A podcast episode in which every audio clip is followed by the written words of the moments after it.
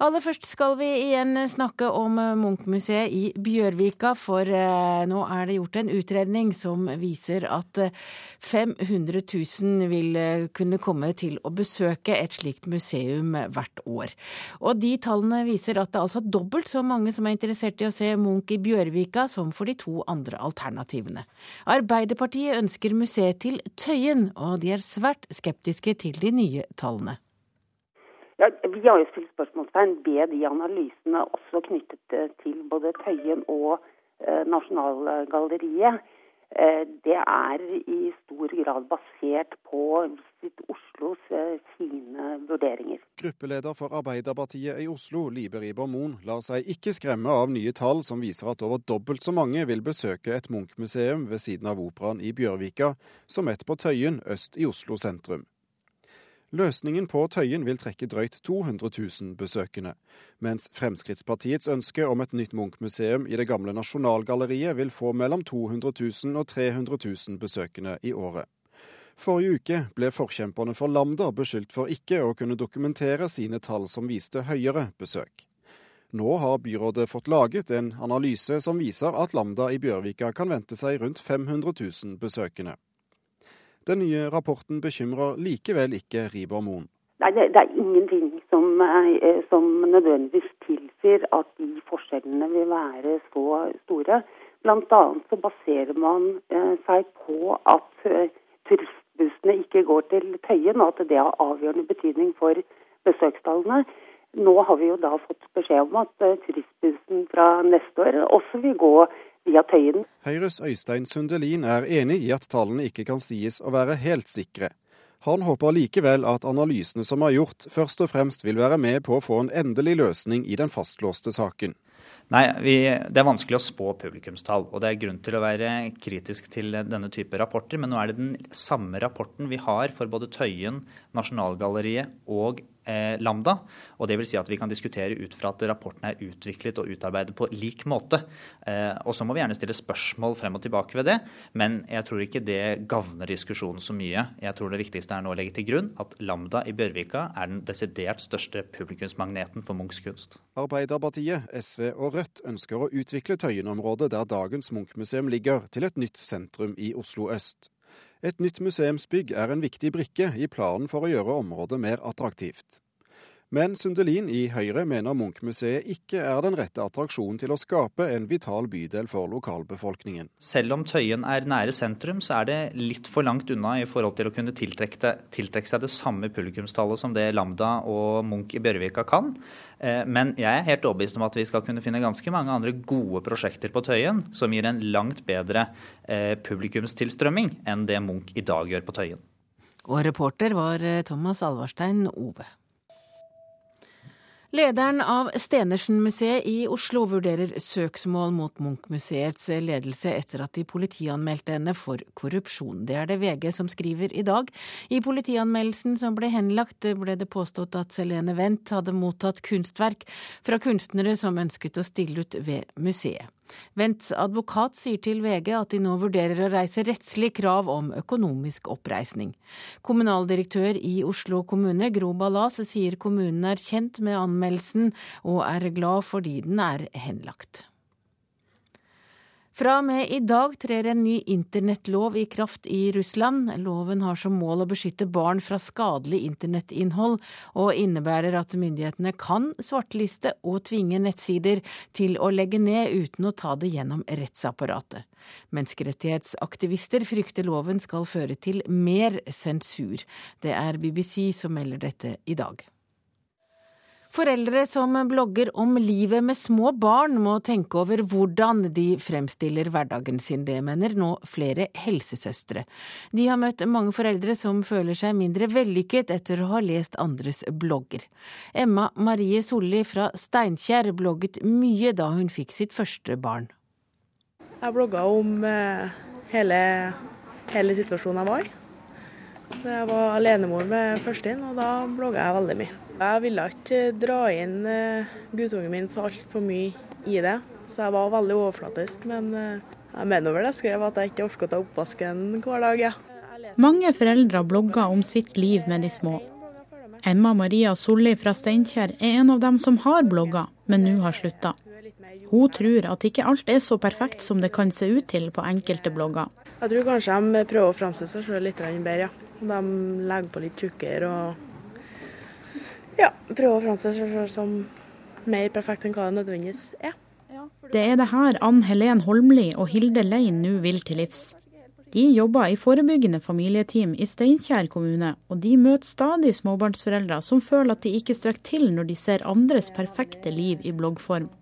Det gis jo et bilde av at det er veldig flott, og man rekker veldig mye. og Alt er bare fint og flott med disse småtissene. Og så har vi kanskje, altså gjennom foreldre vi møter og i jobben vår, da, så sier de noe om at det blir så veldig mye flott. Og er det sånn å være småbarnsforeldre? Skapte et press, tror du? Det kan jo gjøre det. Kanskje litt eh, stress mm. for foreldre. At man skal rekke all denne bakinga, og det skal se så fint og flott og rent og greit ut. og dette Samspillet med ungene eh, er liksom bare rosenrødt. Så det er jo litt tilbakemeldinger på det vi kanskje får. At det skaper litt stress på at man føler at man ikke helt lykkes. da. Ann Helen Holmli og Hilde Lein ønsker nå å skape refleksjon og debatt rundt det her. For hvordan rekker man å ta vare på den lille? Jobb, bak brød inviterte kaffe og kake, innredd stua på nytt og på nytt, og samtidig formidle alt dette på nett.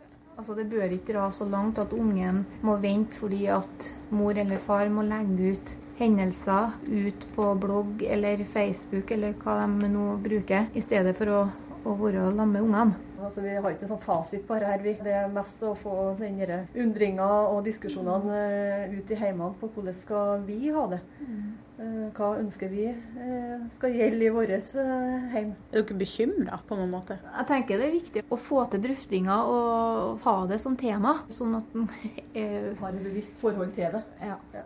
Mm. Så hvordan kan man formidle livet som småbarnsforelder på en realistisk måte?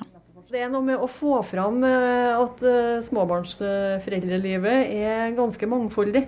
At du har alle sidene eh, ved det. Men det er ikke sikkert det er så lett å få det fram i blogg, de utfordringene som er ganske så vanlige. Mm. Altså det er mange som har samme utfordringene, men har kanskje ikke tort å tatt det opp i sine nærmiljø på et vis, eller med likesinnede, fordi at de tenker at de er alene.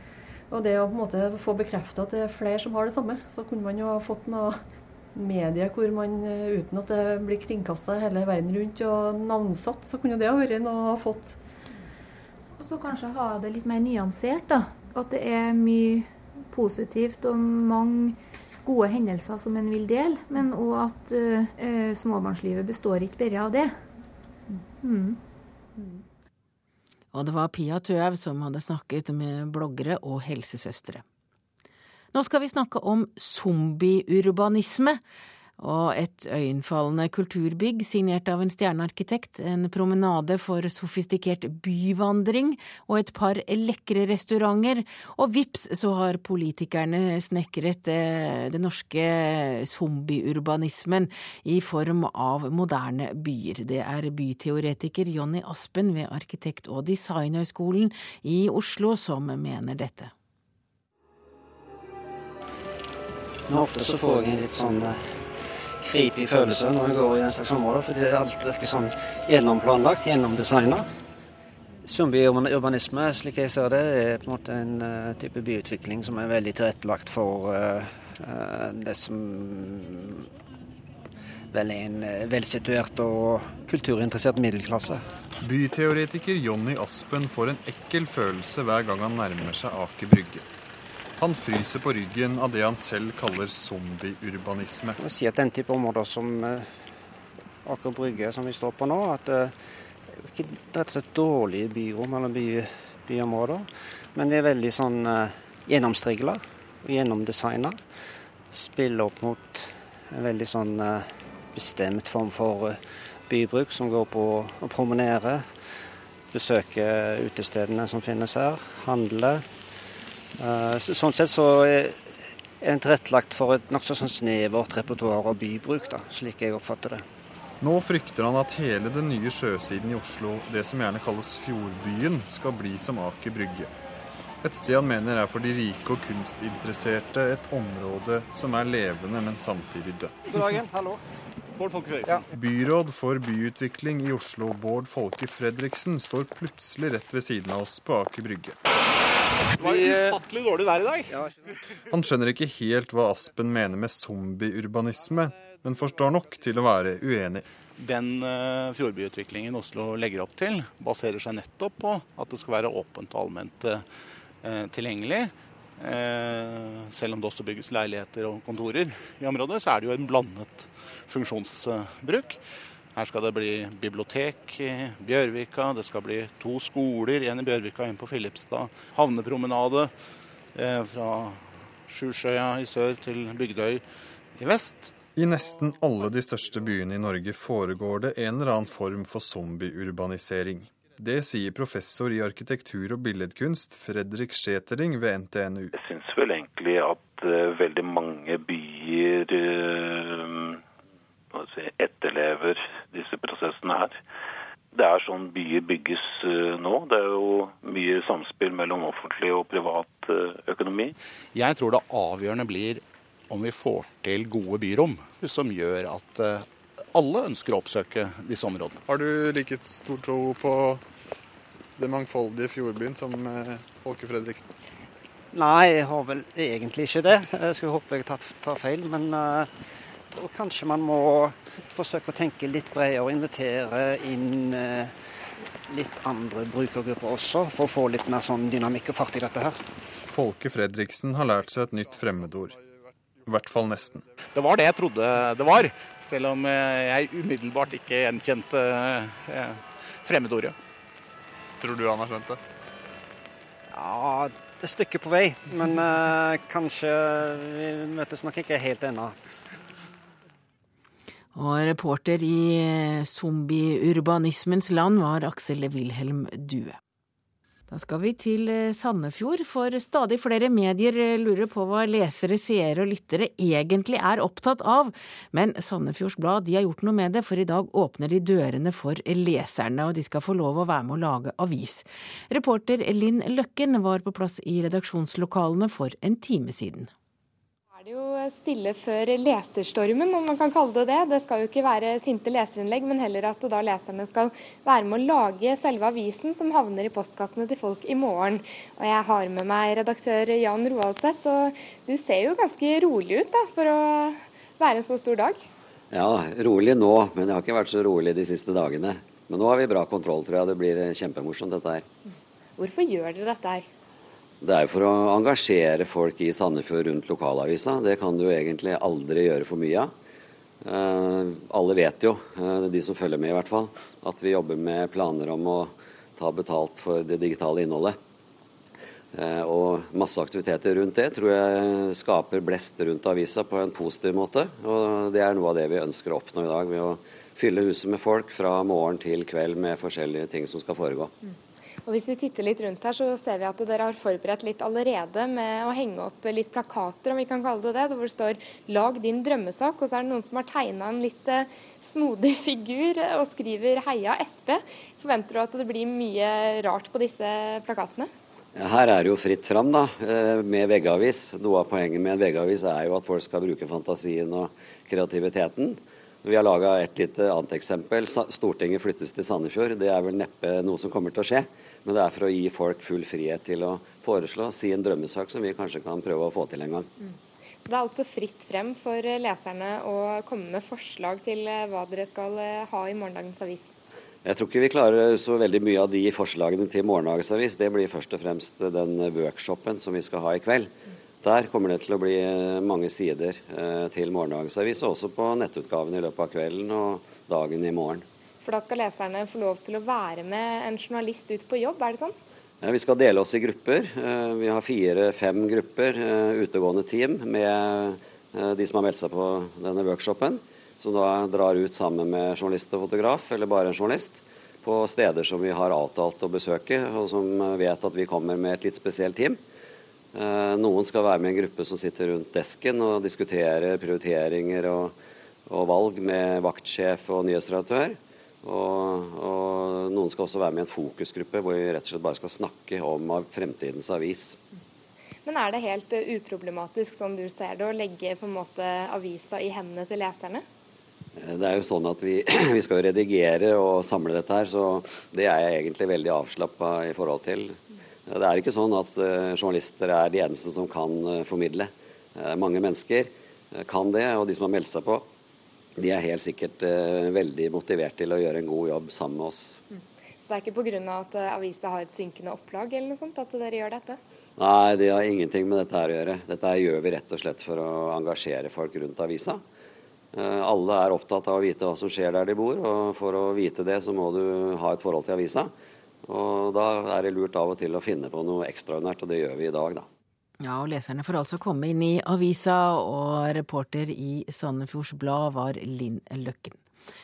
Da skal vi til eh, en filmpremiere. Vi skal snakke om Sara Johnsens siste film. Hun er tilbake tre år etter suksessen med Upper Dog, og i ukas norske premierefilm Uskyld møter vi en kvinne og to menn hvis liv er sammenflettet på en slik måte at det kun kan ende skikkelig ille. Ja, velkommen Thomas Alkjær fra Mørkets opplevelser og Filmbonanza. Dette høres ekkelt og litt brutalt og mystisk ut. Ja, og Hva er utgangspunktet? Altså, utgangspunktet er det mest brutale som, som man kan tenke seg, nemlig et, et dobbeltmord, rett og slett. Det første vi får se i filmen, er de to brødrene som det prates om her. Eh, to brødre som har hatt en veldig problematisk uppväxt eh, i förhållande till varandra och då möter en kvinna som, redan som barn. Eh, och det utvecklar sig till det som vi får se i starten av filmen, nämligen att de dödar varandra helt enkelt. Rett og slett. Hva slags historie er det Sara Johnsen vil fortelle i Uskyld? En, en veldig mørk historie om et triangeldrama. Det er Maria Bonnevie som spiller eh, kvinnen Janne, og så har vi eh, Kristoffer Joner som spelar William, den, ena, den liksom lite grann snällare brodern. Och så har vi den, den mer onda brodern som spelas av svenske David Dencik. Så eh, den stående er den svenske? ja. ja. men nå har vi også polisen som vi hørte her, som, som eh, stemmen til kvinnen som vi hørte um, i det lilla klippet. Det er, henne, det er hun som liksom leder oss gjennom historien, for hun er en politietterforsker som finner de her kropparna inne i skogen eh, någonstans i landet. Och därifrån nöstas historien upp. Så vi, vi, vi får följa kan man säga, de tre sista månaderna i livet till de två bröderna och eh, deras samspel med eh, Maria Bonnevie, då, den kvinnan som har varit kärste med bägge två. Liksom. Hon, har varit, har känt dem sedan hon var tio år gammal. Så vi följer dem också de tre sista månaderna i livet som är liksom kärnan i historien. Men vi har också bak, alltså förhistorien som är det som skedde när de var barn. Och det är där allting det, vi får liksom små tråder å dra i. Litt grann ledtråder hele veien. Men det er et ganske oklart drama. I eh, Sara Johnsens forrige film 'Upper Dog' så var det jo en del humor eh, inni all dramatikken. Er det humor også i 'Uskyld', eller er det bare uh, Nei, det er, altså, det er, virkelig, det er ingen humor her. Det er absolutt ikke komedi. Det er ganske svart. Even om eh, det er veldig Altså, historien er ikke liksom en, en en, en thriller på sånn der mørkt, uh, nattsvart sett. Utan det er liksom en, en thriller om, som, som, går ganske stille fram, even om det da er ganske brutale utslag uh, litt her og der. Men det, det er en sorts personlig drama uh, og en, en, tung thriller som, som er en sorts drapsgåte som er vanskelig å forstå seg på. Men det er en utrolig vel gjennomført thriller. Det er jo store navn i hovedrollene. Vi har sett Maria Bonnevie, du har nevnt Kristoffer Joner. Hvordan fungerer de sammen? Ekstremt bra. Kristoffer altså, Joner er alltid bra. Ehm, og vi ser ikke Maria Bonnevie så ofte i norske filmer. Hun, og den siste gangen som hun var i en hovedrolle, var vel i eh, Margret Olins 'Engelen', der hun også spiller en en, en kvinne med liksom en trøblete fortid. Um, men hun gjør en ekstremt, ekstremt bra roll her. David Dencik, som spiller den, den mest onde broderen, han er også helt fantastisk. Så det er en, en, en trio skuespillere som spiller på toppnivå, virkelig. Hvordan ser filmen ut? Det er også en egen historie, egentlig. Fotograf eh, Jon Andreas Andersen har gjort et helt strålende fotojobb. Det er det är liksom vissa likheter. Ifall någon möjligtvis har sett Antichrist av Lars von Trier så är det, det är mycket skog, det är tätt, det är, liksom, det är grönt och fuktigt, nästan som en regnskog. Men det är nästan dagtid i hela filmen, så det är inte så att det, är, att det är en typisk thriller där det regnar och är natt, utan här är det sån fuktig dag, men eh, till och med med lite grann sol av och till. Men det är fantastiskt foto och otroligt fina bilder som liksom lockar oss in i den här mörka världen med sin ljushet. Og nå, eh, Thomas Alkjær, eh, hva vil du, vil du anbefale filmen for kinopublikum? Det vil jeg absolutt gjøre göra. Den är som sagt lite skummel och obehaglig och den har ganska obehagliga scener som är väldigt direkta och som säkert kan skrämma en och annan. Ehm, men det är värt det, för att det är en film som som, är, som, som har et obehag som er så öppet, som man ikke riktigt kan ta på, men som, som ger veldig mye. Så Sara Johnsen bare fortsetter Det kan man si. Ja, hun gjør det. Takk til deg, Thomas Alkjær, kjent fra Mørkets opplevelser og Filmbonanza.